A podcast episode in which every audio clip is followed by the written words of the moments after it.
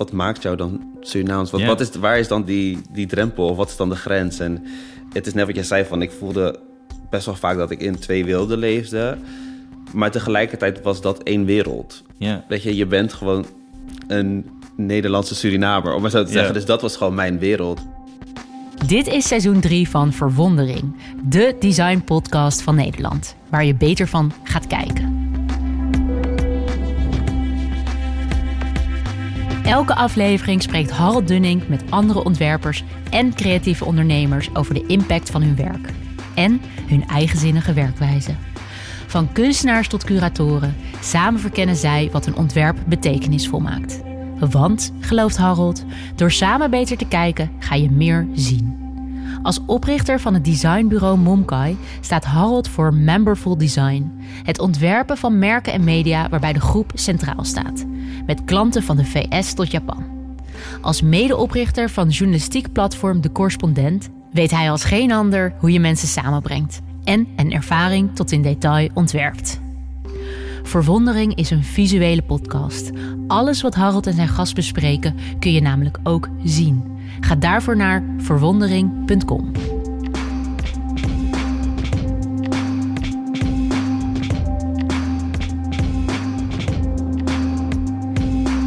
Mijn geliefde is zwanger. Magisch.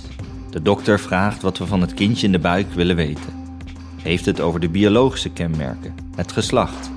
Een vraag aan het begin van een leven die een leven lang speelt. Want wat zegt dit over je gender, je identiteit als mens? Die bepaal je tenslotte helemaal zelf. Of, zoals journaliste Lisa Peters het samenvat, seksen zit tussen je benen, gender zit tussen je oren. In een van haar interviews beschrijft iemand dat je genderidentiteit geen keuze is. Dit is als de kleur van mijn ogen. Ik kan het toedekken, maar het zal altijd in me zitten. Om te weten wat er achter je ogen en tussen je oren speelt, kan je het beste luisteren. Niet alleen naar je hart en je gedachten, maar juist ook naar de ervaringen en opvattingen van anderen. Zeker als je voor die ander ontwerpt. Want welke versie van zichzelf kan en mag iemand zijn? Welke keuzes maak je voor wie en waarom? Wat is de norm? Nu is de norm vaak binair denken, man, vrouw. Gelukkig spelen er al lang ook andere opvattingen. Queer is dan ook niet de afwijking van de norm, maar juist een afwijzing van welke norm dan ook. Hoe vormt deze kijk de blik op wat je maakt? Vandaag kijken we mee door de ogen van een bijzonder inspirerende gast. Niemand minder dan Gior Moore. Hij ontwerpt niet alleen fraai, hij formuleert al even mooi.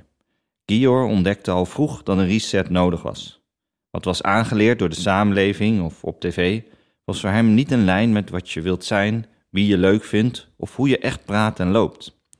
Na het lezen van The Design Activist Handbook van Noah Scalin vond Gior de creatieve rol die hem past. Dit boek was als een gids. Hoe verander je de wereld, of in ieder geval jouw stukje ervan, door sociaal bewust vorm te geven. Soms is dat zo simpel als je bio op social. Als design activist zet hij nu zijn identiteit voorop, celebrating queer en blackness. Als ondernemer helpt hij anderen dit ook te doen. Zo is Gior de oprichter van Pride Radio, het enige videoplatform dat uitsluitend muziek draait van artiesten die zich als queer identificeren. Hij is de eigenaar van fashion label Sopcult en ontwierp voor iedereen van het stedelijk tot Nike Tutorials en van Netflix tot de nationale politie.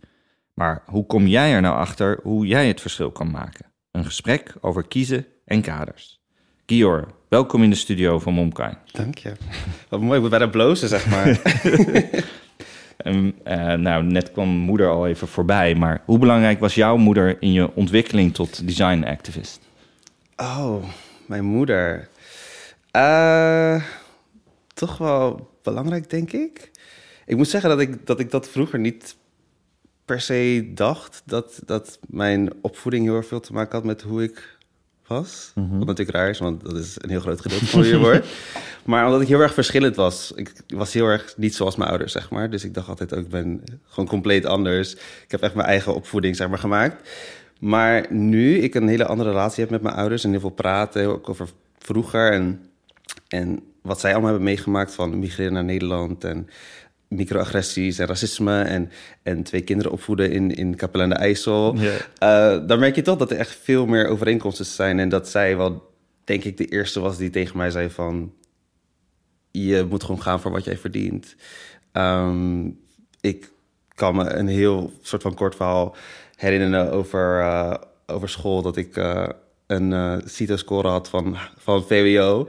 En dat mijn docent me toen naar haven wilde sturen. En dat mijn moeder er echt Oh. super kwaad om werd.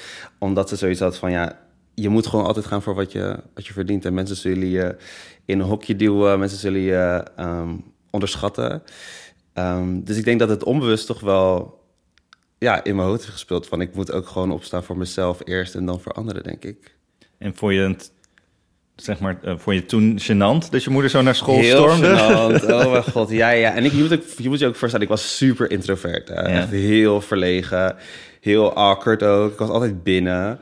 En ook best wel echt een, ja, bijna een soort van stereotype queer kind. Van, ik hield echt van meer de vrouwelijke dingetjes en zo. Ja. Dus werd ook gepest. Dus ik was gewoon altijd ervan, ik wilde gewoon onzichtbaar zijn. Dus dat mijn moeder dat deed, was voor mij echt van, oh please, nee. Ja. Ehm, maar nu kijk ik daar zo compleet anders naar natuurlijk, met een volwassen oog. Ja. ja, dat kan ik me voorstellen dat het heel inspirerend is. Dat je niet eh, genoegen moet nemen met eh, wat je wordt toebedeeld. Maar- Ja, ja, en ja, ja. Ja, eigenlijk dat wel, ja. ja, en is dat ook... ehm, want want hoe, hoe, wat is voor jou dan een activist? Hoe zou je dat noemen? Eh, ja, dat is. Ik heb wel echt een soort... Ik vind het een hele aparte term. En, en het is ook best wel controversieel gebleken, denk ik. Ook omdat ik mezelf die term soort van heb toegeëigend. Ehm, en dan krijg je natuurlijk wel de vraag van... Oké, wat, wat ben je dan? Ben je dan een activist omdat je uitspreekt? Online? Is het, is het feit dat je het naar buiten doet, ben je dan een activist? Want ik... Dat zeggen mensen al tegen mij van... Ja, maar ik heb ook dat soort gesprekken aan de keukentafel. Ben ik dan ook een activist? En dan moet ik wel bedenken van... Ja, ben je dan een activist? En voor mij is het... Het, het komt natuurlijk uit het boek van Noah Scalin... Waar ik het vandaan heb. En daar omschreef hij een, een manifest voor vormgevers en designers...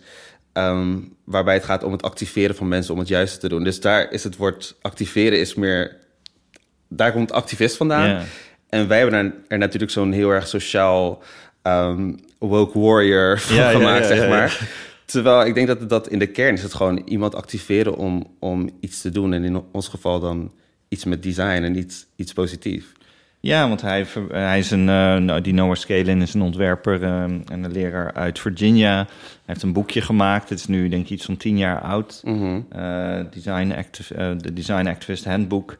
En dat is eigenlijk een heel, ja, veel meer een optimistisch boek... wat, wat veel meer vertelt hoe je vooral sociaal bewust kunt ontwerpen. Ja. En inderdaad, het lijkt nu alsof je de- eh, continu op de barricade moet staan. Juist, ja. Maar het, het is eigenlijk ehm, ja, dat het veel meer ehm, eh, eh, ja, kritische kanttekeningen zet bij het werk wat je doet.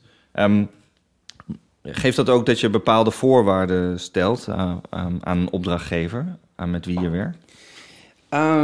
Ja, ja, het is nu wel zeg maar, op een punt gekomen waarbij ja, mensen dus mij natuurlijk ook zien als, als een activist. En wat hun, hun ja, referentiekader en terminologie daarvoor is, dat moeten ze zelf weten. Maar eh, daarmee zet ik een soort van drempel van... oké, als ik met deze klant werk, dat betekent dus dat zij anti-racistisch zijn en pro-queer en voor alles en nog wat. Want ik ben een soort van het, het keurmerk of het label Ja. daarvoor. Dus ehm, ja, ik denk dat dat een heel groot gedeelte van de onboarding van een klant is heel erg doorvragen van wat is je intentie hiermee. Ja. En dat is super lastig. En ik heb ook nu bijvoorbeeld dingen gezien dat mensen dat gewoon offreren bijvoorbeeld. Wat Ja. ik echt heel interessant vind. Dat ik denk van oké. Maar Wat bedoel je daarmee? Of niet? nou, dat ze dus zeg maar in hun, eh, in hun offertes, dan zeggen ze gewoon Oh, van... oké, is soort van discovery phase om te zien of dit zeg maar wel... zeg maar geen pinkwashing is of zo. En dat vind ik, eh, dat vond ik nog net wel, zeg maar, stap te ver gaan. Maar ik had wel zoiets van, er moet wel iets gezegd worden over mensen die zich dus publiek uitspreken over heel veel dingen. Ehm, want het wordt bijna gezien als eh, dat ik het moet. Ja. Dus er worden, zijn bijvoorbeeld wel eens dan van die ehm, ja, gebeurtenissen geweest in de wereld.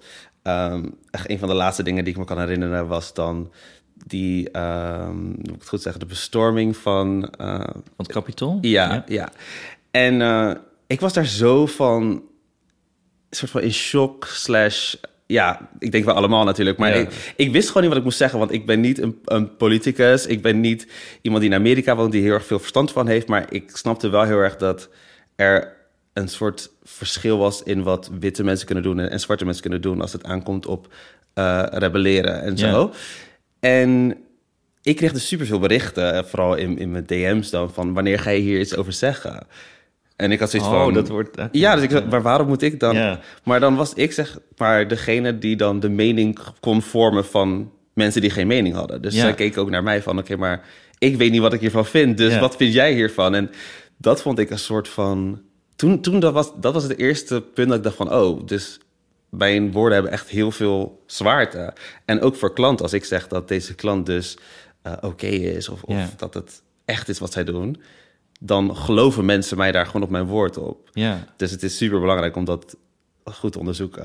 Ja, want ik kan me ook voorstellen als iemand jou uitnodigt en dan, dan ehm, eh, in, in, in eh, haar of zijn eh, organisatie, dan, dan ze je ook uit eigenlijk voor kritische vragen. Ja, ja. Of die, of die willen ze Niet altijd, niet niet, het horen. altijd. niet altijd. Het is, ik, echt, soms dan denk ik echt van, ik zou zo graag willen dat andere mensen gewoon een dag in mij, zeg maar, lichaam konden. Als je zeg maar op zo'n Vertel, neem ons mee. Nou- Zo'n dag. Ja, oké, nou, zo'n dag. Wij zijn jou nu. Ja, ja, ja. Oké, dus dan word ik dus gevraagd om bij een bedrijf te komen. Daar noem ik dan even geen naam voor. Maar grote bedrijven. En dan kom ik daar binnen op mijn sneakers en in mijn, weet ik veel, puffer jacket en zo. En dan eh komen ze van, hey Gier, oh superleuk om je te ontmoeten. Volg je al een tijdje en eh, super tof wat je allemaal doet. En, en dan krijg ik de, de rondleiding en dan gaan ze van, nou... eh, ja, we hebben echt een hele goede verdeling van tussen man en vrouw, 50% vrouwen en zo. En ik Ze gaan verantwoorden. nee. ja, ja, ja, heel Oh, erg verantwoord. En ik zei, oké. En dan zegt ze, ja, en hier, hier, zit, eh, hier zit Ahmed. Die is er vandaag niet, maar die is er wel echt. En eh, we hebben ook net iemand aangenomen uit Ghana. En, zo. en ik heb zoiets van, ik kom hier gewoon voor het project waar je me voor uitnodigt. Ja, weet je? Dus zij gaan heel erg valideren naar mij toe van, oké, we care. We zijn er echt mee bezig. En, en ze gaan dan eh, een non-profit project van hun, wat ze er hebben gedaan, gaan ze dan uitlichten aan mij en Ja. zo. En ehm, ik vind dat gewoon heel...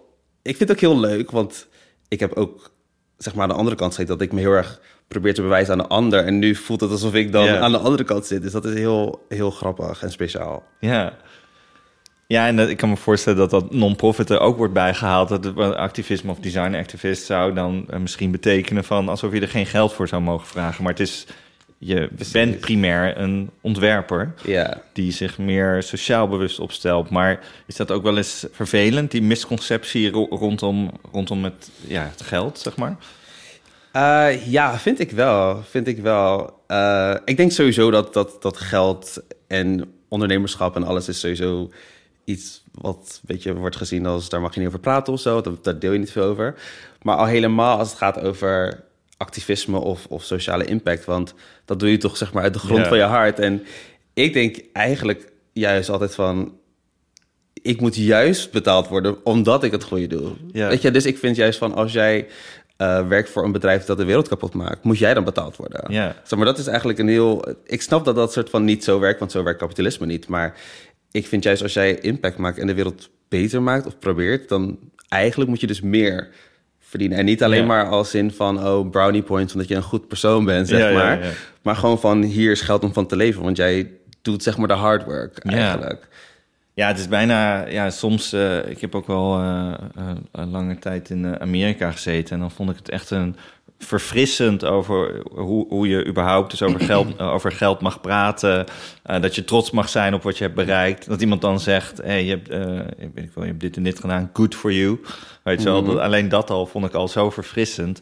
Ja. Misschien is het ook eerder gewoon in Nederland dat het, dat het geld altijd, eh, terwijl het, ja, ehm, het maakt het soms eh, onnodig moeilijk en het houdt het soms onnodig laag, denk ik. Als je niet, het, niet te bedragen direct sneller Ja. op tafel ligt. Ik denk dat het, ik denk dat het te maken heeft met Nederlandse cultuur en, en van niet te veel pronken. Ik denk dat dat Nederlandse cultuur is echt niet zo van eh, laten zien hoe goed, het, hoe goed het met je gaat of zo. Eh, en ik snap dat aan de ene kant wel, vooral in de tijd van social media en zo probeer ik echt wel zeker na te denken van ik, ik snap heel erg de privileges die ik heb en ik snap heel erg dat ehm, ik nu in een, in een moment ben in mijn leven en carrière dat ik bepaalde dingen kan veroorloven, maar ook grotere projecten kan aannemen en grotere namen kan aantrekken en zo. En En alles wordt op een gegeven moment normaal, maar soms moet ik wel tegen mezelf zeggen: dit is nog steeds heel erg sick en heel erg tof. ja, ja. Ehm, maar soms dan zeg ik ook dingen van, geef het is van, oh je moet dan gewoon dit doen en je moet dan een, een Wacom bamboe pen kopen en dan zitten er gewoon studenten van, ja ik kan het gewoon niet betalen. En dan zit er wel zoiets van, oh ja tuurlijk, van je moet soms gewoon weer denken van, wat, wat is inclusiviteit, zeg maar. Ja. Dat zit ook op alle vlakken, ook van, van geld tot opleiding tot welke buurt je bent geboren, zeg maar. ja. Het is een lastig pakket om, om overal aan, aan te denken telkens, maar ik doe gewoon mijn best. Ja, en ik denk dat dat ook... ehm, sowieso denk ik dat, dat, eh, dat je dat mag vragen van een ontwerper. Dat, hè, dat we bewust zijn. eh, bijna, je bent bijna nooit letterlijk voor jezelf aan het ontwerpen. Bijna altijd eh, voor anderen ook. Ik heb dit ook wel eens gehad inderdaad met... dat ik in een, in een, in Griekenland in Athene een keer mocht presenteren. En dat ik ook zei, nou, je moet... denk wel eh, drie keer na als je voor de bank gaat ontwerpen en zo. Moet je echt niet doen en zo. En totdat ik me tijdens het praten besefte... oh ja, maar er is hier torenhoge werkloosheid. Je mag blij zijn als je al een designklus hebt. Wie ben ik om te zeggen Ja. dat je niet voor... Nou, liever niet voor Shell of een bank, maar als je dan... dat je dat... ehm, Dus er zit altijd een mate van, eh, ja, je- we, kunnen natuurlijk niet in iemands portemonnee kijken en in iemands kansen en zo. Nee, er is altijd nuance, denk ik. En dat is het, het allermoeilijkste wat er is, is, is die nuance vinden voor, Ja, voor iedereen. ja de wereld is gewoon niet zwart-wit. Het is eh, heel veel tinten grijs. Nou, iemand zei ooit 50 tinten grijs. Ja, maar- precies, En ja. dat verkocht ook heel goed. Maar ehm, eh, ja, die nuance. Nou, kijk, in, in jouw ehm, profiel zit natuurlijk ook al de nuance. Je zegt niet dat je een activist bent, je zegt dat je een designactivist bent. Ehm, ehm, wa- wat, wat voor rol kan design voor jou spelen in maatschappelijke verandering? Eh, voor mij, nou voor mij persoonlijk denk ik dat dat is gewoon de, de kracht die ik heb. Dus ik bedoel, als je De scheppende kracht. Ja, dus de scheppende kracht. Ik, je hebt natuurlijk verschillende soorten mensen. En ik denk dat iedereen een soort eh, superpower heeft, om maar zo te zeggen. En ik, als je kijkt naar het model van Simon Sinek en Golden Circle en zo... en, de why, wat is de purpose, waarom je dingen doet... denk ik, van, dat was voor mij heel erg dat sociaal activistische... en, en eh, de, de wereld mooier achterlaten dan dat ik erin ben gekomen. Maar de how was voor mij altijd van, ik ben een creator. Dus dat makes sense. Maar als ik goed was in koken, dan had ik zeg maar, dan had ik iets, Ja. iets verzonnen waardoor dat zeg maar erin kwam. En eh, weet je, ik ben nu bezig met, met, met kleding, omdat dat was iets wat ik vroeger heel erg leuk vond. En ik keek naar alle fashion shows en zo. Dus dat is nu een soort van what geworden. Maar de, Ja. de, ik ben altijd gewoon bezig met wat, waar ben ik goed in? Dat was toevallig dan design. Want eh, Simon Sinek, eh, voor, wie hem niet kent, eh, en we zetten dit ook weer in verwondering in de, in de gallery. Dus daar kan je alle beelden zien en, de- en de namen die wij noemen. Simon Sinek heeft ooit eigenlijk heel simpel teruggebracht: drie cirkels. Met in de midden de why, dan de how en de what. Ja. Ehm, en zo ben je ook meer naar je eigen werk gaan kijken van waarom doe ik het eigenlijk dan? Ja, ja, nou, ja, waren wel wat, waren wat meer, was wel wat meer, zeg maar, tot ik daar was gekomen. maar duurde iets langer dan ja, deze. Ja, ja, maar ik Ja. had, laat ik zo zeggen, toen ik dus voor mezelf begon, nadat ik bij een bedrijf had gewerkt en dacht van, dit is uiteindelijk niet helemaal iets voor mij. Toen heb ik heel veel cursussen gedaan over hoe word je een freelancer, basically, en hoe zet je jezelf op de markt. En ik heb een marketingachtergrond, dus ik snapte echt wel hoe personal branding werkte. Maar ik denk dat ik wel die typische designer insecurity had van, ik ben niet goed, niet zo goed als een ander. En wat is dan mijn ding? En hoe, waarom zou iemand mij kiezen, zeg Ja. maar? Dat, en toen heb ik dus een paar cursussen gedaan. En, en eh één daarvan ging dus heel erg over ehm, terug naar vroeger. Dus toen heb ik echt aan mijn ouders gevraagd van... hoe was ik als kind? En wat deed ik, zeg maar, voordat ik überhaupt dus dat geld was en zo. En, eh, en toen zeiden ze ook van... ja, je was altijd aan het tekenen en stripboek aan het maken... en verhalen aan het vertellen. En Cool. ik was heel dag aan het simsen, letterlijk heel dag of Rollercoaster Tycoon aan het... Je, Dus ik snapte heel erg van, oké, dus de creator part, we get that. En later, toen ging ik gewoon kijken van, oké, mijn profielwerkstuk had ik over pop-art geschreven. Dus echt een maatschappelijke kunststroming. Eh, ik was heel erg bezig met propaganda, heel erg jong al, zeg maar Tweede Wereldoorlog voornamelijk. Dus ik had, op school heb ik dan design psychology, vond ik heel interessant. Dus hoe werken kleuren, hoe kun je mensen manipuleren met design. Dus toen had ik zo erg van, oké, volgens mij is er ook iets daar van, oké, activeren met design. En je kan mensen Ja. dingen laten doen met design. En toen dacht ik van, ja, maar wat is dan zeg maar mijn, mijn dingetje? En toen eigenlijk later, nu denk ik dat is zo logisch. Ik, ik ben zelf queer en zwart en, en ik praat er heel veel over. Maar ik, ik zag niet hoe dat gemarket kon worden eigenlijk. Wat, wat, wat zag je dan in die propaganda toen in je in middelbare schooltijd? wat, wat, wat sprak je er zo in aan?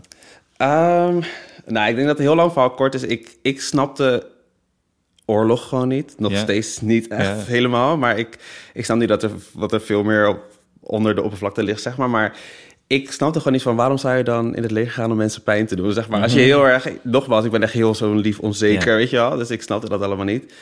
En, en propaganda was natuurlijk eigenlijk een soort van de kunst van mensen overtuigen dat wat jij, het slecht wat je doet, dat dat goed is. En, en dat was ook de vraag die ik dan aan mijn geschiedenisleraar van, maar waarom deden mensen dat dan?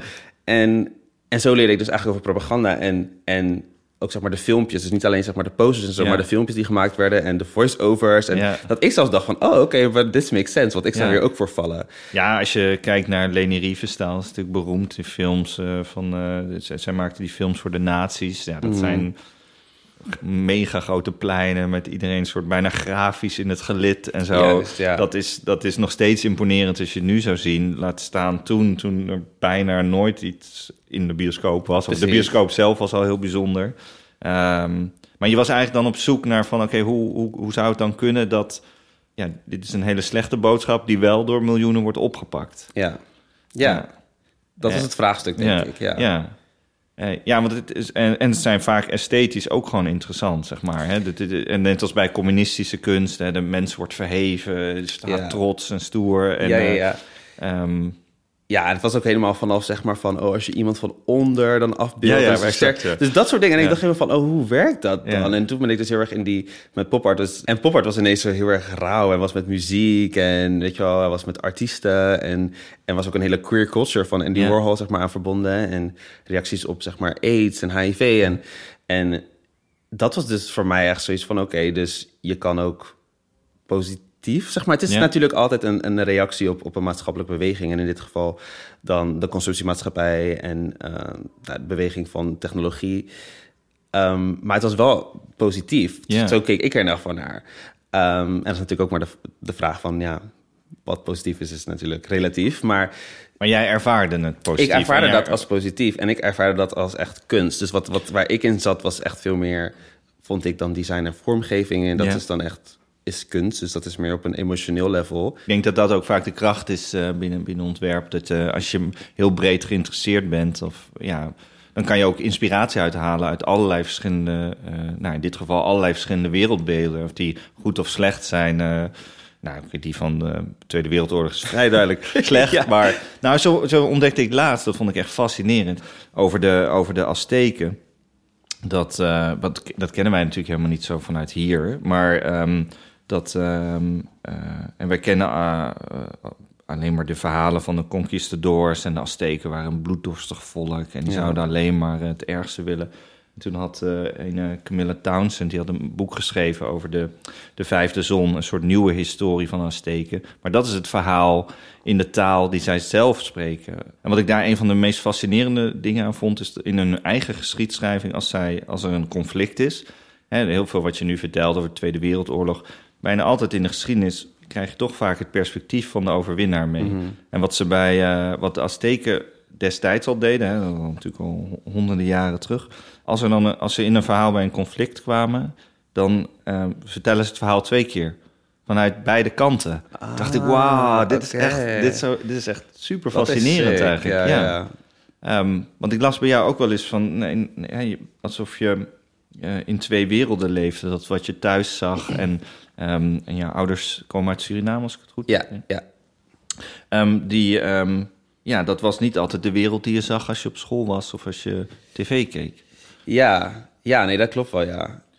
En ik kan me ook voorstellen, nou, je hebt op een gegeven moment meegewerkt aan een eh, hele mooie tentoonstelling, Surinaamse school, waarin eh, die kant er ook veel meer mocht zijn. Mhm. Was, was dat, eh, ze hebben jou gevraagd om, om mee te helpen aan de print en, en de, ja, de online ca- campagne. Eh, ik kan me ook voorstellen dat, dat, dat je even moet nadenken als die vraag komt. Ja, ja, nee, zeker. Zeker. Ik, eh, het was wel echt zo'n ding van, oké, stedelijk vond ik wel echt altijd heel vet. Dus Ja, ik was al ja. zoiets van, oké, stedelijk. En ik weet nog het moment dat, dat die, die vraag kwam, toen was mijn vader bij mij thuis. En, ehm, en toen kwam dat dus, zeg maar, zo'n soort van briefvinkje en zo. En van, oh, zullen we hierover bellen? En allereerst dacht ik gewoon, dit is super vet dat het stedelijk dit oppakt. Ja. Zeg maar gewoon Surinaamse kunst van Surinaamse makers. En dat ze mij ervoor vragen, dat je gaat natuurlijk... In mijn, in mijn hoofd werkt het niet gelijk van, oh, waarom vragen ze mij? Ja. Want ik ben gewoon excited to be Ja. there. Ja, en ik vind gewoon tof. En mijn designer spirit gaat gelijk, weet je. Ehm, En je ziet allemaal kansen en wat je kan ontwerpen. en Precies, wat ja, je ja. doen, En vervolgens ga je natuurlijk even nadenken van... Oké, maar wat, wat, waar gaat het over? En ben ik de goede persoon hiervoor? Want ik voel me natuurlijk echt wel heel erg Surinaams... maar ik voel me ook heel erg Nederlands. Ik ben geboren in Nederland, ik spreek Nederlands... ik eh, hou van Nederlandse cultuur en ik hou van Surinaamse cultuur. En toen dat vraagstuk daar kwam en, en het werd gemaakt met... Nou, heel erg veel zwarte mensen, voornamelijk Surinaamse mensen...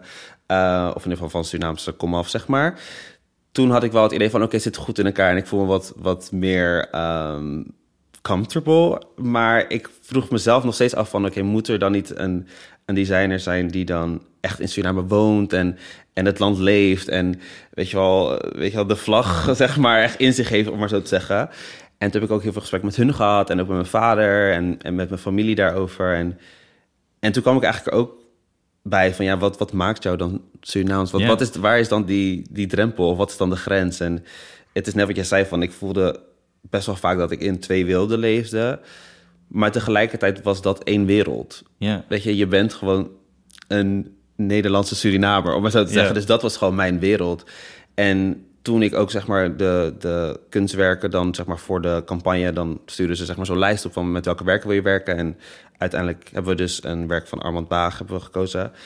En dat, dat werk dat leek zo erg op wat ik ken van Suriname. En ik ben er ook meerdere, meerdere malen geweest en, en ook langer geweest. En ik heb familie die daar woont. Dus ik had wel zoiets van, oké, ik voel de connectie wel met dit onderwerp. Genoeg om het, om het te doen. Maar het blijft altijd een vraagstuk. Ja, want op die poster dan zien we eigenlijk drie mensen, twee vrouwen en een eh, man Ja. in een soort hele mooie eh, kledij. Het is heel kleurrijk. eh, ze kijken ons echt aan. Ehm, zij houdt ook een soort spiegel vast waarop je nog een gezicht ziet. Ja, dat is, dat is Armand Baag zelf. Dus Oh, hij heeft het, het is Ja. een soort van zelfportret, heeft hij erin verwerkt. Ja. Ja. En die heb jij gebruikt als, het, ja, als een soort van, nou ja, wat je in design dan vaak de key visual noemt. Dus het hoofdbeeld. Ja. Ehm, en er zijn nog veel meer. Volgens mij heb je wel 22 posters gemaakt. Maar, maar eh, dit, is, dit is zeg maar het, het hoofdbeeld. En Ja. dan met, met deels ook de huisstijl van Mavis en Van Deursen... die, die Ja. voor het stedelijke werken. Ehm, ik vind Armand Baag sowieso eh, fascinerend. Hij, hij is in Paramaribo geboren in, eh, in 61 en eh, kwam naar Nederland. En dat, dat hadden veel Surinaamse kunstenaars... dat ze naar Nederland kwamen voor de kunstacademie. ja. Hij deed dat in, in Tilburg. En hij, hij was ook een dansduo met zijn toenmalige vrouw. vond Oh, ik- dat, heb, ja. dat wist ik niet Ja. Willy Kollewijn. Oké. En dan bleef hij altijd schilderen tijdens de tournees. En toen is hij ooit in, ehm, in, ja, in, in definitief naar Amsterdam gegaan in 68. En jij was inderdaad eh, betrokken bij de keuze van, van dat schilderij. Maar waarom specifiek dit schilderij? Want het lijkt me echt moeilijk. Er is zoveel. Wat wordt nou de... Ja. Wat, wat is dan...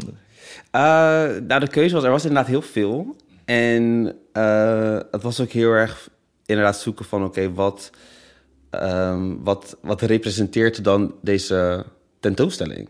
Want wat wordt er nog meer laten zien? Eh, want kijk, als het een hele tentoonstelling was met, met krantenkoppen, maar zo te zeggen, dan was dit misschien niet het perfecte Ja. beeld ervoor. Maar toen hebben we dus ook gewerkt met Sarana Angelista, die heeft ehm, zeg maar de ruimtelijke vormgeving gedaan. En, ehm, en ik had dus inderdaad de hele lijst gezien met alle werken. En, en er was gewoon een lijn van, het ging echt meer over eh, Surinaamse cultuur en blijdschap en het mooie eraan dan echt zeg maar het leed en, Ja, en ja, wat, ja. wat we kennen. Of, dus, dus mijn eerste gedachte was wel van oké, dan, dan willen we een beeld wat in ieder geval lijkt op een feestje of lijkt Ja, op ja, iets ja. wat een viering is. En ehm, dit beeld wat dus is gebruikt is inderdaad echt zo'n typisch ding van dit zijn drie, drie, drie mensen op een feest, op een feest zeg maar, die, eh, die dus op hun mooist gekleed zijn en, en buiten zijn. En ehm, dus toen we dit beeld zagen, dachten we ook van oké, dit is een goede representatie van eh, de tentoonstelling. Eh, design psychology-wise is het ook goed om mensen te hebben die naar je kijken. Ja, Want ja. dat, zeg maar, dan voel je je meer getrokken om ook terug te kijken... Ja. en ook meer gedwongen om zeg maar, te lezen. Dus daar zit ook een soort van slide manipulation. Maar dit beeld was gewoon heel tof. En ik heb ook eh, met de familie van Armand Baag gesproken... en die zijn ook echt super blij. En Oh, cool. ja, dus dat was ook heel, een heel eh, tof full circle moment, zeg maar. Ja, en dat is ook niet erg als je. Dat is meer, dat is meer het palet als ontwerper dat je weet als iemand je aankijkt. Dat, Ik heb ook wel eens uh, crowdfunding campagnes gedaan waar we altijd uh, een, een, beeld van iemand die je aankijkt ernaast zetten op een, op een groot scherm als het past. Um, uh, omdat je dan eerder geneigd bent om wel te gaan doneren of een kaartje kopen of iets. Precies, ja. Ja, en uh, waar, um, zeg maar bij die tentoonstelling, je, vaak kennen mensen wel meer het werk van Nola Hatterman. Zij had uh, dat, uh, ja, wat je ook heel lang in het stedelijk heeft gehangen, op het terras. Ja. Een mooie schilderij met Louis, Lou Drenthe. Um, waar je een zwarte man op het terras ziet met een biertje en een, en een soort rood tafelkleedje. Um, maar Baag was eigenlijk altijd best wel onderbelicht. Um, hij maakte ook niet de, de Rijksacademie af. En, um, want hij kon zich niet vinden in de westerse maatstaven die als universele kunst werden gedoseerd. En in zijn werk was hij eigenlijk altijd meer op zoek naar het eigene. Onder meer om, om de mentale erfenis van het kolonialisme tegen te gaan. Eigenlijk wat je net zei, dat heeft hij ook wel een mooi keer verwoord. Ik wil mijn mensen hun schoonheidsideaal teruggeven. Ze zijn door de eeuwen heen verpest. En dus het mag meer Ja. de viering zijn, van het mag Mhm. mooi zijn. Inderdaad, niet alleen het leed, maar ehm, ehm, eh, hij zette zich op die manier af tegen ja, wat je dan een koloniale norm zou kunnen noemen, om, om tot een eigen Surinaamse visie te komen. Ehm, wat, wat doet zo'n kijk met jou als je in zijn werk mocht duiken destijds? Dat is een goede vraag. Ik denk dat, nogmaals, toen ik dus die, die lijst kreeg, dan zijn er bepaalde dingen die, die er dan uitspringen voor jou persoonlijk. Ik vind kunst een van de moeilijkste dingen. Echt, ik werk met heel veel musea en, en ik eh, ga ook heel vaak naar musea en met alle plezier. Maar soms dan denk ik van, ik voel, ik voel het niet. Of dan denk je van, moet ik het dan voelen of moet ik het dan snappen? En bij dit werk had ik gewoon zoiets van, ik voel iets. Ik kan niet gelijk zeg maar 1, 2, 3 Ja. uitleggen wat het dan is. Ik, ik neem aan dat het iets is omdat ik het herken. Ehm, maar met, met Armand, Armand Baags werk en ook met Nola's werk... dan had ik wel echt zoiets van... er is iets wat niet heel abstract is. Het is bijna een Ja. soort van een... ehm, ja, hoe moet ik het zeggen? Het is, ik wil niet zeggen dat straight to the point is, want dat is bijna een soort van natuurlijk disrespectful naar de, naar de artist. Maar je snapt wat ik bedoel. Van, ik denk dat kunst heel vaak ehm, zo, zo conceptueel en abstract is, waardoor je soms de essentie net niet snapt als, als gewoon persoon die er langs loopt, zeg maar. En in, in hun werk had ik wel zoiets van: oké, dit, laat, dit laat het gewoon zien, maar het zit meer in hoe, hoe mooi het is geschilderd en gemaakt. Ja. Daar zit de kunst in, zeg maar, voor mij. Ehm, dus ik denk dat, dat- dat dat de reden was waarom ik het meest naar hun toe trok. Ja. Ja, het is natuurlijk figuratieve kunst, dus we zien echte mensen eh, Ja. zitten. Ik denk altijd zelf dat het heel gezond is als je door een museum loopt en je hebt minstens bij de helft niks. Want dat Ja. zou ook heel raar zijn als je het wel hebt, denk ik. Want je, volgens mij gaat het ook heel vaak over wat het met je doet. En dat is super persoonlijk voor iedereen. Ehm ligt ook aan in welke fase je bent. En ik merk ook vaak, eh, als je met creatieve mensen door een museum loopt, is het ook weer anders dan met Ja. mensen die een heel ander, misschien een heel ander soort werk doen. Eh, niet beter of minder of zo, maar gewoon je let op andere dingen. Eh, ik heb zelf heel vaak gehad als ik door musea heen liep, dat ik heel erg kon genieten van de ruimte aan zich. Oh, omdat ja. die zo optimaal is ontworpen, puur voor jou om, eh, om, om, om het werk te mogen ontvangen eigenlijk. Oh ja. Wat mij uiteindelijk heel erg inspireerde tot ja, ook meer zo te kijken naar mijn eigen ontwerpfilosofie van, van rust. Mhm. Dus hoe je kan, rust kan eh, creëren, ehm, zodat je je druk kunt maken om de inhoud. Omdat in een museum was het ineens, ja, er mag één werk hangen. Terwijl hè, op Instagram scroll je miljoenen Precies, langs. ja, ja, ja. En hier gaan we naar één. Hè. Wij kunnen nu heel lang praten over één heel mooi schilderij van Armand. Ja. Dus ehm, dat, dat is een, dat is een, eh, ja, een schoonheid aan zo'n omgeving. En dan daarbinnen, ja, niet alles. komt- En dan soms is het ook zo verschillend. Als jij nu een poster ziet uit die eh, tijd van de propaganda, is het alweer heel anders dan, dan Ja. eh, eh, toen je 15 was. Ja. Ja, nee, zeker. Zeker. Ehm, het was wel mooi trouwens wat Nola vertelde over die, die Lou Drenthe die op dat terras zat.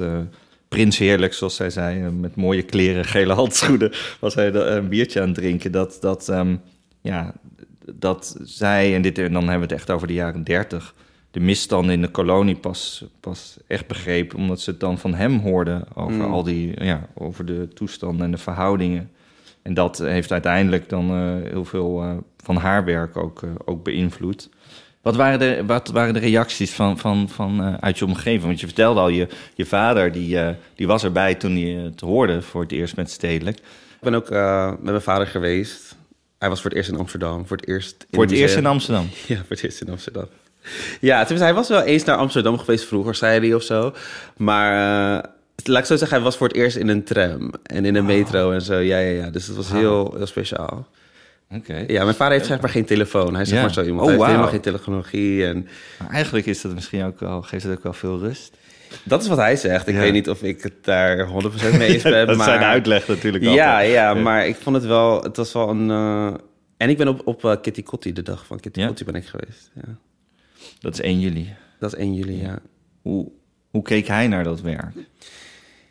Ja, hij... ehm, ik vond het heel... Ik, ik moet eerlijk zeggen dat toen ik daar was, was ik meer naar hem aan het kijken... en naar hoe hij het, zeg maar, eh, had. Zeg maar, hoe Ja. hij het experienced. Dan dat ik echt zelf aan aan het experience. Want het was heel apart om te zien dat hij dingen ziet die hij kent. Van Ja. heel dichtbij Ja, ook. ja. En er is ook bijvoorbeeld een werk eh, dat er hing... en ik ben nu de naam vergeten... maar dat, is, dat was dus iemand die mijn vader eh, heel erg goed kent. En die leeft nog steeds. En hij zei van... Ja, vroeger, toen was ik dus in zijn atelier... en zo wist ik Oh, veel dat wauw. dat... Ja, kende dus de dat- kunstenaar. Ja, dus ik kende de kunstenaar. En dat, dus, dat- zijn allemaal van die dingen van dat, dat snap je dan niet. En er was ook bijvoorbeeld een, een werk eh, van Nola Hatterman... Dus, wat dus de tante is van mijn moeder... Eh, die dus geschilderd is. En eh, dat wist ik toevallig dan wel al. Maar om daar dan te zijn en, en om dan foto's van hem te maken met haar en zo. Dat is gewoon allemaal vooral heel tof en heel leuk. En, en ze, ze waren... Mijn ouders zijn best wel... Ze snappen het allemaal niet heel erg wat ik doe per se. Maar ik kreeg zeg maar wel gewoon appjes dan van, van tantes en ooms. En zo van, oh, ik hoor dat je voor het stedelijk voor Surinaamse school gaat werken. Super tof. En dan dacht ik, hoe kom je hierbij? Maar dan mijn Ja. ouders zijn echt alles aan het broadcasten, zeg maar. Oh, tegen heerlijk. Iedereen. ja. Lekker trots. Ja, dus ze waren wel heel erg trots. En ik ben heel blij dat ik dat soort van met hun heb kunnen doen ook. Ja. Nou ja, het is ook wel heel mooi, want het perspectief van je vader is natuurlijk ook weer een andere kijk erop. Eh, überhaupt ben je er dus bij geweest dat iemand dan voor het eerst in het museum komt. Ja. Dat, dat is ook wel fascinerend. Ja, Kijk, en dit zit natuurlijk ook heel vaak in je werk, eh, waar je natuurlijk voor verschillende min- mensen ontwerpt, ehm, ehm, die zich allemaal op een andere manier identificeren. Ehm, hoe nodig je die, die verschillende perspectieven in je werk uit? van verschillende mensen van verschillende achtergronden. Nou, je, eh, je hebt wel eens een project gedaan eh, waar er meer juist voor vrouwen ontworpen worden. Mhm. Waar je juist allemaal, volgens mij allemaal juist eh, Ja, vers- ja. allerlei verschillende soorten vrouwen uitnodigde om, om eh, mee te gaan samenwerken. Ja, nee, dat is, dat is wel iets wat ik, wat ik heel belangrijk vind. Eh, dat was ook waarom met, met Stedelijk dus goed werkte. Omdat het, het- ja, het team was voornamelijk Surinaams. Dus dan Ja. heb je die culture. En als er soms een klus binnenkomt die ik heel belangrijk vind... alleen de, laten we zeggen, mijn referentiekader haalt het niet tot daar... dan hou ik wel de mensen binnen die dat wel snappen. Ja, Ik heb wel eens bijvoorbeeld dingen voor anti-straatintimidatie gedaan. En dat, dat focust zich dan vaak op LHBTI en op vrouwen. Want dat is de grootste doelgroep die zeg maar eh, dat ervaart. En na het LHBTI-punt snap ik, maar zelfs, niet, zelfs dat snap ik niet tot een vol punt. Want als ik op straat loop, dan kan ik zeg maar nog wel conformen naar een soort van heteroseksualiteit of heteronormativiteit. En voor heel veel mensen is dat al niet in dit geval. Dus toen had ik zoiets van: oké, ik snap dit onderwerp en ik wil heel graag mijn, mijn kunsten, mijn, mijn talent hiervoor Ja. inzetten. Maar snap ook heel erg goed dat hier andere referentiekaders voor nodig zijn. Dus toen heb ik gewoon een heel team van vrouwen opgezet die ook, zeg maar, ook veel daarover praten. Dus het is niet Ja. alleen van, oh, puur, je bent een vrouw, dus dan... nee, nee, nee. Maar nee, ik Nee. heb twee developers met wie ik eh, toen heb gewerkt. En, en zij spreken ook heel erg veel hoe het is om, om vrouw te zijn in, in Ja. idee-cultuur. Wat ook echt, als, ik, als je die verhalen hoort, dan word je helemaal naar. Dus zij snappen ook heel goed de nuance van dat onderwerp. Eh, ik heb ook een, was een drag queen was in het team. Weet je, die, die heeft een hele andere ervaring van hoe het is om uit een taxi te stappen in het midden van een drukke straat. En, en om mensen dingen naar je te zien roepen en, en gooien. Dat is heel anders. Dus ehm, ja, het, het team en de mensen die werken aan je product, dat is number one voor mij. ja. Ja, nee, dat is. eh, en nou, ik denk dat dit, dat, dat dit is wat wij allemaal natuurlijk in ons werk kunnen meenemen. En, Neem inderdaad development. ehm, dat, eh, dat is nog bovenmatig veel man Ja. die daar eh, helaas eh, de code schrijft. En ehm, en, en daar toch dus bepaalde keuzes maakt die, eh, ja, die misschien niet, ja, niet, gunstig zijn voor, voor vrouwen. Ik vond altijd eh, crash test dummies altijd zo'n ver- verrassend voorbeeld. Dat, die, dat vrouwen dus eh, um, bovenmatig veel ja, slechter uit een ongeluk kwamen. Omdat crash test dummies bijna altijd gemodelleerd waren op een, op een eh, mannenlichaam. Dit hoor ik voor het Ja. eerst, maar dat is heel, heel fascinerend. Ja, Oké. ehm, dus eh, hoe je dus letterlijk, zeg maar, ook ja, ehm, eh, ja, verschillende perspectieven in, in, in een onderwerp moet krijgen. Nou, straatveiligheid denk ik net Ja, zo. Ik denk ja. dat veel eh, ja, eh, mensen daar misschien ook niet altijd bewust van zijn, of mannen niet bewust van zijn van eh, hoe, hoe dat is. Ja. Ehm, eh, zijn er ook, eh, he- heb je daar een soort methode voor, voor hoe je een nieuw project aanstart, zeg maar? Van, we hadden het al een beetje over bepaalde voorwaarden of iets. Eh, ehm, ehm, je- je, bent een eigen studio, Studio eh, Moore, op hè, als we toch al de pitch hadden. Yes, laat plug. Maar dan, ehm, eh, eh, eh, dan werk jij met verschillende freelancers? Is, heb, je, heb je een soort vaste groep of is het, wissel je dat echt per, per onderwerp? Eh, ja, nee, ik heb dus inderdaad wel een aantal vaste mensen met wie ik veel werk. Mhm. Eh, en ik heb nu ook sinds twee weken heb ik een klein team dat ik zeg maar eh, dan zeg maar freelance contractueel aan heb gebonden voor x aantal uur zeg je hebt maar. nu gewoon mensen in dienst. zijn. Ja, basically. basically. Maar je bent dan- het nu nog het realiseren. Ja, ik- ja, precies. Ik durf het nog niet helemaal te zeggen, zeg maar. Ehm, maar goed, dus ik heb wel echt een, een, een, teampje verzameld dat, Leuk. dat, eh, dat het met me doet. En ik merk ook dat het mentaal gezien ook zoveel beter is om, om te sparren. Want het zijn onderwerpen die gewoon zwaar zijn. En ik bedoel, ik denk dat jij als geen ander weet van dat je huiswerk moet doen voor Ja. bepaalde gesprekken en Zeker, dingen. ja. Dus, eh, dus dat- je bent dan constant dat aan het doen. En, en soms wil je gewoon vette shit maken. Ja. Wat ik bedoel? En als er dan iemand in je team zit die daar gewoon superveel van af weet, Ja. die dan dat stokje van je overneemt voor een keer of twee, dat ik gewoon even mooie dingen kan maken en meer op de referenties kan gaan zitten. Ja. Dat is al gewoon echt een, een blessing. En ik merk ook gewoon dat als je aan het eind dan zoiets oplevert, je ziet het, je merkt het ook gewoon aan hoe het, hoe het ontvangen wordt. Weet je, van mensen zien ook dat het is gemaakt met de doelgroep. En dat klinkt heel stom nu, want natuurlijk ga ik mijn eigen werkmethode promoten, maar ik denk dat, dat iedereen wel ziet wanneer er producten gemaakt zijn, dat je denkt van oké, ik zie dat dit gemaakt is omdat het gemaakt is, maar niet dat het gemaakt is met zeg maar eh, met de doelgroep of met ja. ja, hoe zeg je dat? Met eh, Nou, ik heb ook steeds meer het gevoel dat ik denk eh, elke keer... ja, ik geloof eigenlijk ook niet meer zo in doelgroepen... maar eerder in groepen met een doel. En dat je, dat je de Ja. groep moet vinden waarvoor je ontwerpt. Je hebt altijd die, die relatie tot de ander met... ja, wie je bent, wat je maakt. ja, En eh, dat is eigenlijk iets waar, ja, waarvan ik denk... als je die groep daar niet in betrekt... voor wie maak je dat? Want dan maak je het maar voor één groep. Namelijk die ene boardroom. Of die, juist, eh, juist, ja. en ehm, ik denk ook, en misschien waar je nu ook meer in zit, is, eh, ik geloof ook heel erg in, eh, je maakt je, je beste werk samen. Als je helemaal alleen werkt, dat is soms zo heftig, want alles gebeurt Mhm. maar in je hoofd. Toch? Je kan niet, je, je- Ja, ja, nee, 100%. En ik merk, je merkt het niet als je, als je erin zit, denk ik. Als je zeg maar in, in, in de vlammen staat, zeg Ja, maar. dan vlammen, merk je het niet. Als je er buiten bent, dan denk je van... Oh, oké, zo kan het ook. En, ehm, en ik geloof ook heel erg in, in, die, in die doelgroepen versus groepen met het doel. Ja. Wat je net zegt, wat je heel mooi hebt verwoord. En ik had ook toen ik dus mijn nou, eerste mensen ging aannemen... toen Ja. had ik een open call zeg maar online gezet. En de mensen die daarop reageerden, vond ik heel apart. Dus ik, ik, wil, ik wil niet zeggen dat ik iets had verwacht, want je, want, maar toch heb je ergens... Iedereen is biased op een bepaald Ja. vlak, maar je denkt wel van... oké, dit worden echt toch wel de meer, je weet gewoon, outspoken linksliberale, Ja, ja. weet ik veel, Instagram.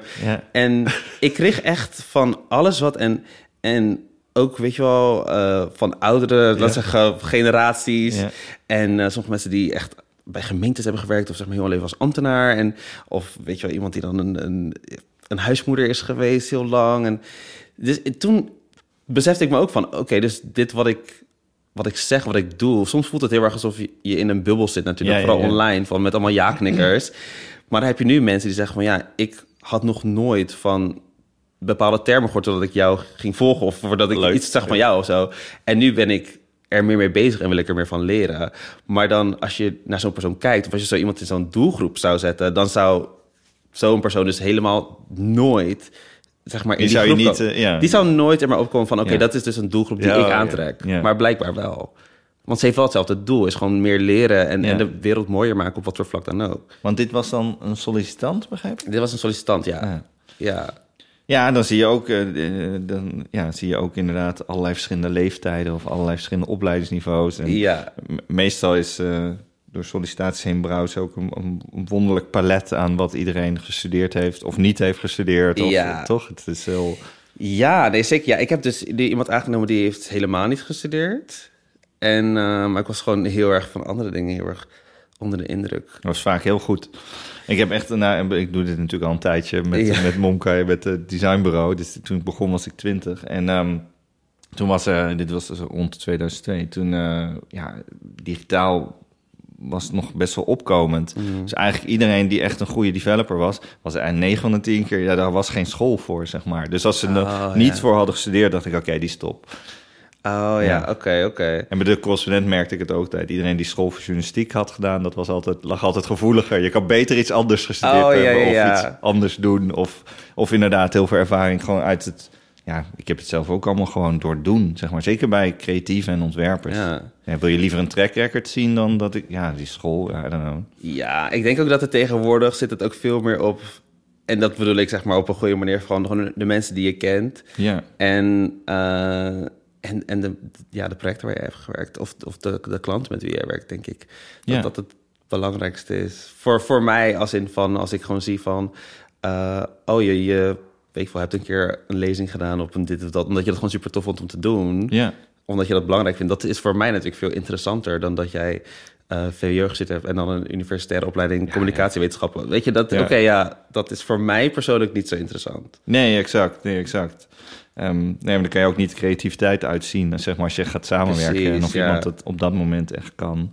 Je noemde het al, klanten waarmee je hebt gewerkt. Eh, ehm, een van de klanten die, ik kan me voorstellen, altijd verschillende vragen oproept, is natuurlijk de nationale politie, van waar je ook mee samenwerkt. En wat ik, waar ik misschien maar online maar een stukje van kan zien.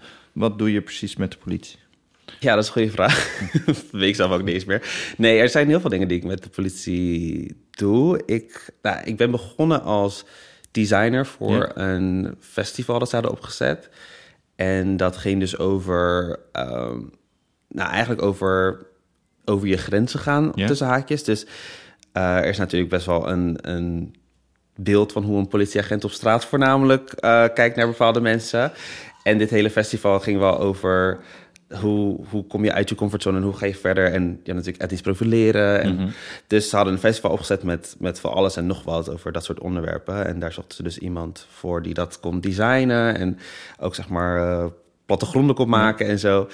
En zo had ik gereageerd op, op een oproep of zo daarvan. En toen, toen kwam ik daar en toen waren ze super enthousiast erover. En was ook echt een heel, heel eh, tof event. Ik, ik kende de politie niet echt zo goed Nee. als in van de nationale politie intern.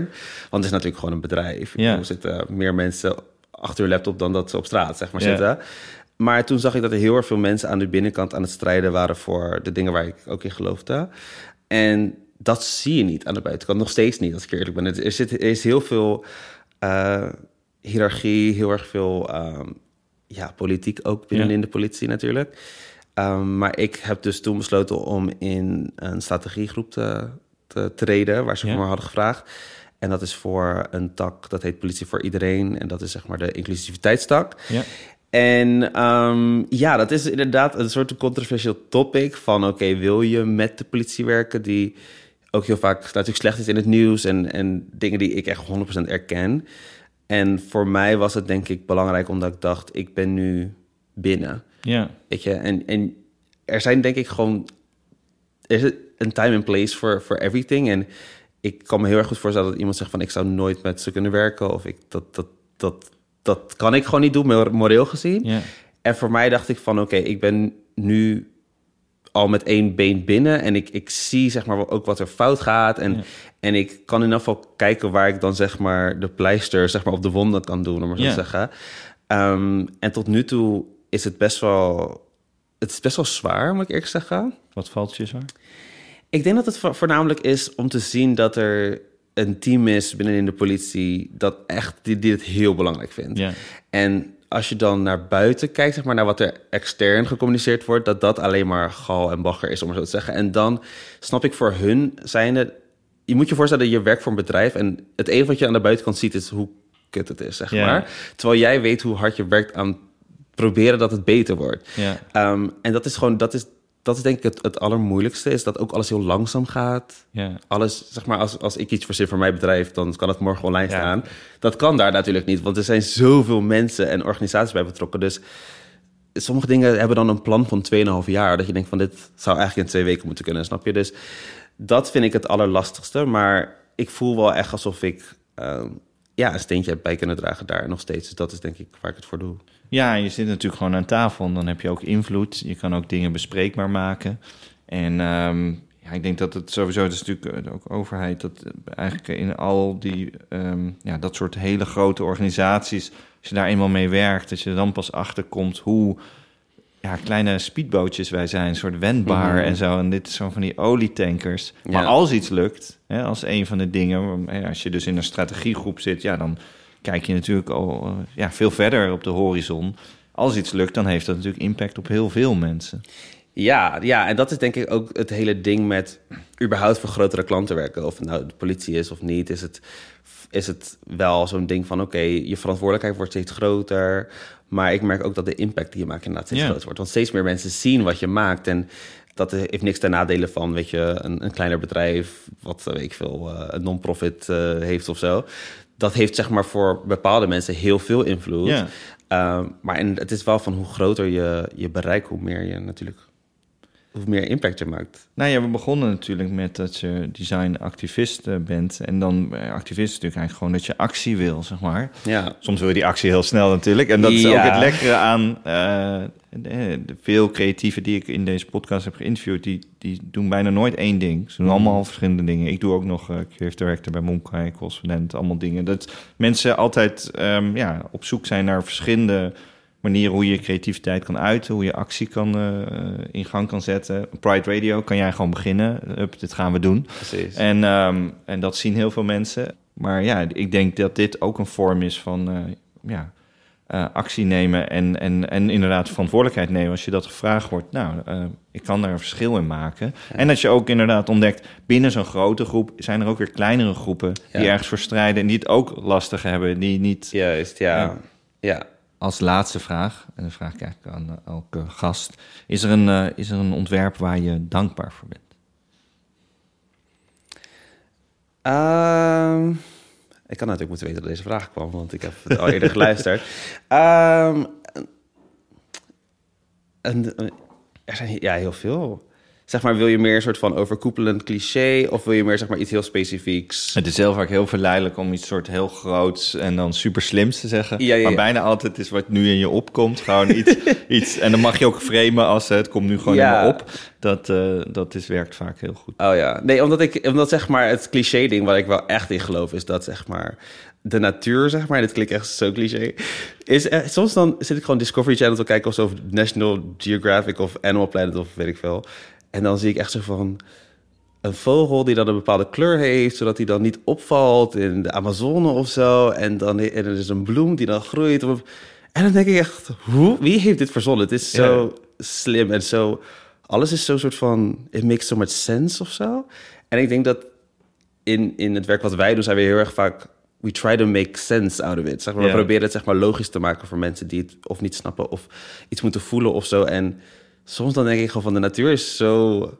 Soms, ik had ook pas geleden geleerd, is misschien echt too much information, maar dat zeg maar, eh, wanneer een vrouw net bevallen is en Ja. een kind dan gaat huilen, dat, dat haar borsten dan gaan melk gaan maken of gaan lekken, zoiets. Oh. En toen had ik ook zoiets van, het is zo slim van... oké, dus blijkbaar moet jij weten wanneer je kind honger heeft. Dus Ja. zodra er een seintje is in de vorm van audio, ja, geluid... dan gaat jouw lichaam iets doen. En toen dacht ik, dat is zo bizar slim of zo. Of zo Ja. bizar hoe dat werkt.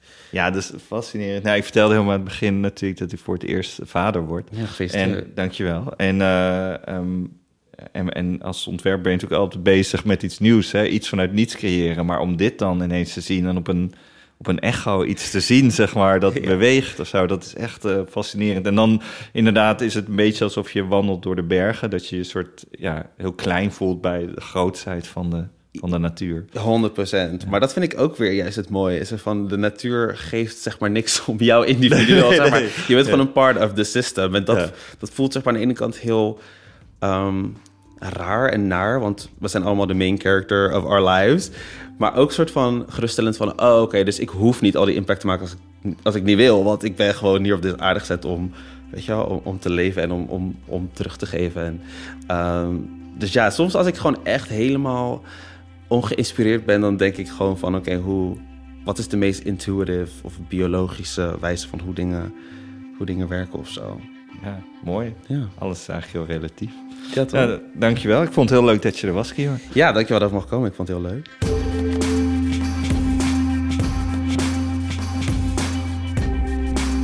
We hopen dat je genoot van deze aflevering van Verwondering, de designpodcast van Nederland. Loop je zelf rond met een designvraag die je graag eens zou stellen aan Harold en zijn gasten? Of is er iemand die we echt eens moeten uitnodigen? We horen graag van onze luisteraars. E-mail ons via podcast.verwondering.com. Wil je helpen om nog meer designliefhebbers te bereiken met verwondering? Laat dan een review achter op Apple Podcasts. Deel de show in je story op Instagram, post het op LinkedIn of stuur deze aflevering via Spotify door naar die ene collega, medestudent of goede vriend. Als echte vakliefhebbers worden wij er dan weer heel erg vrolijk van. Alvast heel veel dank van ons. En wil jij nou ook op de hoogte blijven over Memberful Design? Schrijf je dan nu in op de nieuwsbrief. Zo leer je meer over hoe ook jij groepen met een doel in hun kracht zet. Ga naar www.memberful.design en schrijf je nu in.